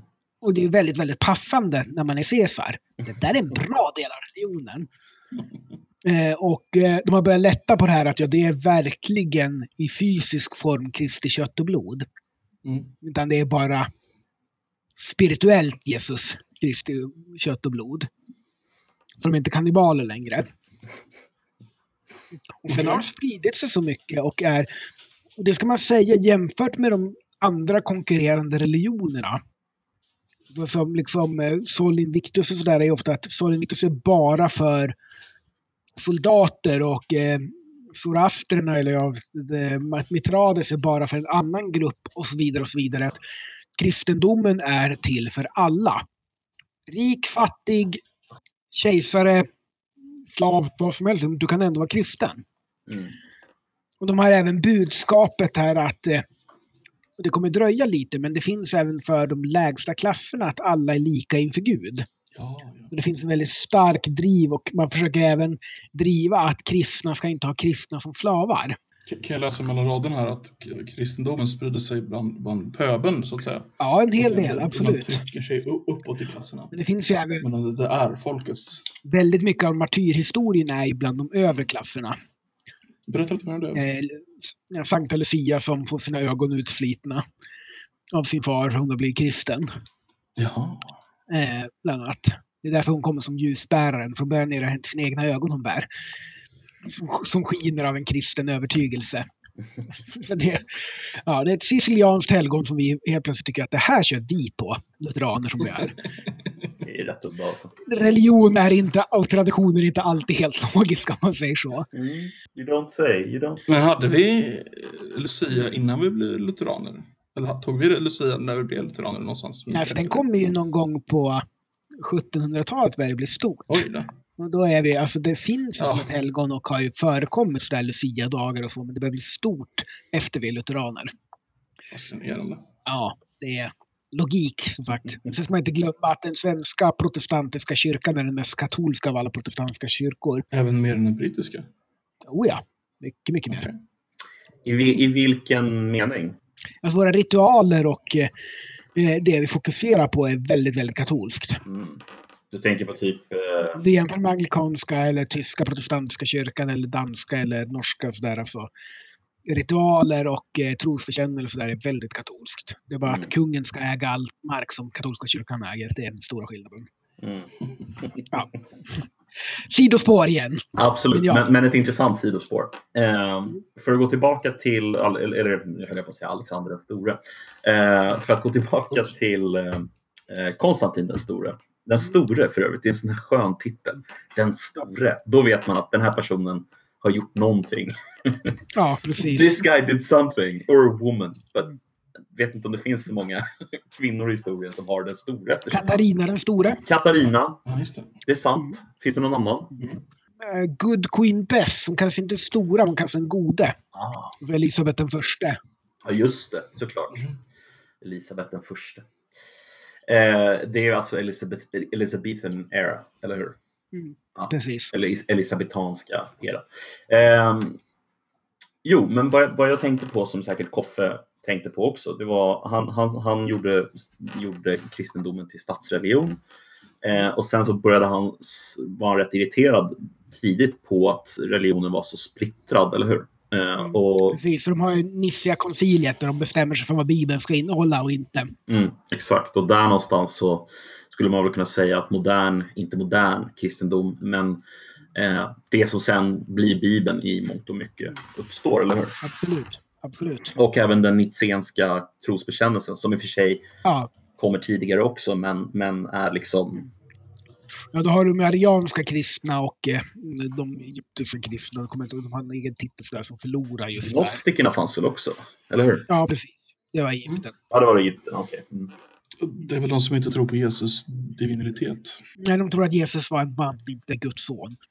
Och demiurgen tror de på också. Det är en väldigt intressant grej. Har ni talat om den? Vad är det? Demiurgen, nej men det är att, alltså så här, den, den, den gud som Bibeln talar om, alltså om jag kommer ihåg det rätt nu, jag kan butcha det här totalt, men Demiurgen är egentligen den, inte skaparguden, utan det är den guden som existerar här och nu. Han är ond. och det är han som styr våra liv. Men över honom så finns den riktiga guden. Eh, ungefär så. Eh, Demiurgen är den som liksom ser till att vi befinner oss i materialistiska kroppar och liksom att vi, vår själ är fångad. Liksom. Det är Demiurgen. Medan det som vår själ, om man nu tror att det ex- existerar en själ, då, då tror man att, om man är gnostiker, att den, det är den som ska frigöras genom tron på Gud. Så man frigörs från Demiurgen ungefär. Mm. Okej. Var det ungefär rätt eller? Jag frågar inte mig, där kan du mer än jag. kanske det. Kanske det. Eh, min fråga är egentligen om alltså, kin- konciliet där, de kommer överens om hur man ska göra eller egentligen så säger han åt dem så här, nu kommer ni överens om hur ni ska göra. Ja, Det är väl det som är hela grejen, eller hur? Det är här någonstans stat och religion verkligen blir ett. Skulle man kunna säga så? ja, absolut. Det skulle man kunna säga. Och vad har det för liksom, implikationer för romarriket och senare splittringen och Mm. sådär tänkte jag du kunde någonstans. Alltså, det är väldigt intressant just det många delar av Bibeln som skärs bort. Man har hittat i Egypten liksom där några kloster har tagit de här delarna av Bibeln de inte fick ha kvar. Och istället för att bränna dem som båda har de lagt dem i krukor och begravt ner dem i öknen. Så vi har ju, vi har ju Judas evangeliet och Thomas evangeliet därifrån, Mm. som inte finns med i Bibeln. Det är jätteintressant med Judas evangeliet där beskrivs hur Judas förråder Jesus för att han måste. Någon måste ju göra det, för att om Jesus inte dör så kan han inte dö för våra synder. Det måste förfyllas. Någon måste ta rollen för att bli den mest hatade i världshistorien. Och Judas tar det med tungt hjärta. Med, väl medveten om att han sitta. Och det är liksom helt annorlunda från de andra berättelserna. Eh, så man undrar lite, vad mer fanns det som didn't make the cut? Exakt. Eh, det, det är lite tråkigt, men det är ju mycket i Bibeln där som är intressant. De gör det till statsreligion och statsbärande religion och så börjar den spridas väldigt hårt Mm. över romarriket och världen. Och det är ju någonstans, alltså, alltså judarna har ju använt religionen som skäl till krig och till att, att vara det unika folket som har rätt till vissa saker redan innan det här. Mm. Men eh, nu blir det väl lite mer allmänt. Gud vill det. Nu tar vi ihjäl någon. Precis. Eh, ja, men för jag, jag, jag har ju nyligen läst, ehm, eller nyligen, jag har hållit på väldigt länge eh, för att jag tar, jag tar min tid känner jag. Och det är den här boken av eh, Bertrand Russell som heter History of Western Philosophy. Eh, och då läste jag där när han, när han diskuterade den här eran och då pratade han om något som heter neoplatin, neoplatonismen. Mhm. Eh, och hans förklaring var mer eller mindre att mycket av det som kom att bli alltså den kristna etiken, den kristna liksom filosofin. För det första självklart inspirerad av Platon, men, men framförallt inspirerad av den här neoplatonismen som växte fram i det romarrike som man hade, eh, som höll på att kollapsa efter eh, Konstantin den store. Och, alltså, det var väl en liten period av stabilitet där, eller hur var det? Oh ja, du har ju 150 år efter det. Då du lever vidare. Mm, det är 450 ungefär, eller hur? Ja. Sen ska du inte glömma att Östrom lever vidare tusen år till. Ja, jo. Dit kommer vi i nästa avsnitt. Ehm, Men liksom den här, den här ehm, så att säga kristna etiken som växer fram som är liksom någon slags Alltså det, är ju, det är ju kyrkan som består efter romarriket faller, eller hur? Absolut, de är den institution som lever vidare i Västrom. Mm. Skulle du inte kunna bara förklara lite hur det, alltså hur det går till? Alltså hur, hur kommer det sig att det är den institutionen tror du som överlever? Och alltså varför blir det så? Liksom? Varför, varför, för det första, varför går allting under? Och sen hur leder det fram till att det blir kyrkan som står kvar som liksom samlande kraft? Alltså det finns en, det finns en miljon teorier om varför Västrom föll. Mm. Men det är en kombination av tryck av intern, interna stridigheter, tyskar som kommer vill bo här. Eh, Och eh, splittring mellan öst och västrom då, så man inte kan dra resurser från varandra. Och så vidare. Så sen finns det om blyförgiftning och interna strider och förräderi och eh, eh, ja, säkert finns det någon som skyller på Illuminati eller liknande. Mm. Skulle inte förvåna Nej, mig. inte förvåna mig heller. Så att det finns ett, ett, tusen teorier om att eh, staten förfaller och blir feodal. Och att det system de hade inte var riktigt anpassat för att framställa tungt kavalleri. Mm. Som blev den nya formen av krigföring. Okej. Så att ja, det finns tusen teorier men de tappar efter och faller under det här trycket. Och men kyrkan består för att de lyckas konvertera många av de här som kommer in och bosätter sig. Vi ska bo här. Och då säger jag, jag är lokala prästen. Bo, be till guden om du ska bo här. Och de lyckas med det. Mm. Så att eh, ky- kyrkan som institution lever kvar fast det flyttar in massa folk och tycker att de ska bo där. och det gör de ganska bra och blir ju en så pass stark institution och lyckas ju konvertera då mycket folk. Alltså, och det är ju en del som flyttar in och så där och inte är eh, katoliker eller kristna alls. Och det är ju en del av Karl den stores erövringståg liksom. Och en Mm. anledning till att vi får vikingatiden därför att då de eh, hedniska friserna i nuvarande norra Nederländerna som eh, Karl Martell kommer och tycker att nu ska ni alla dö eller bli kristna. Och dödar nästan allihop. Okej. Och då blir det maktvakuum på Nordsjön och så kommer vikarna. Tjena, här kan vi plundra.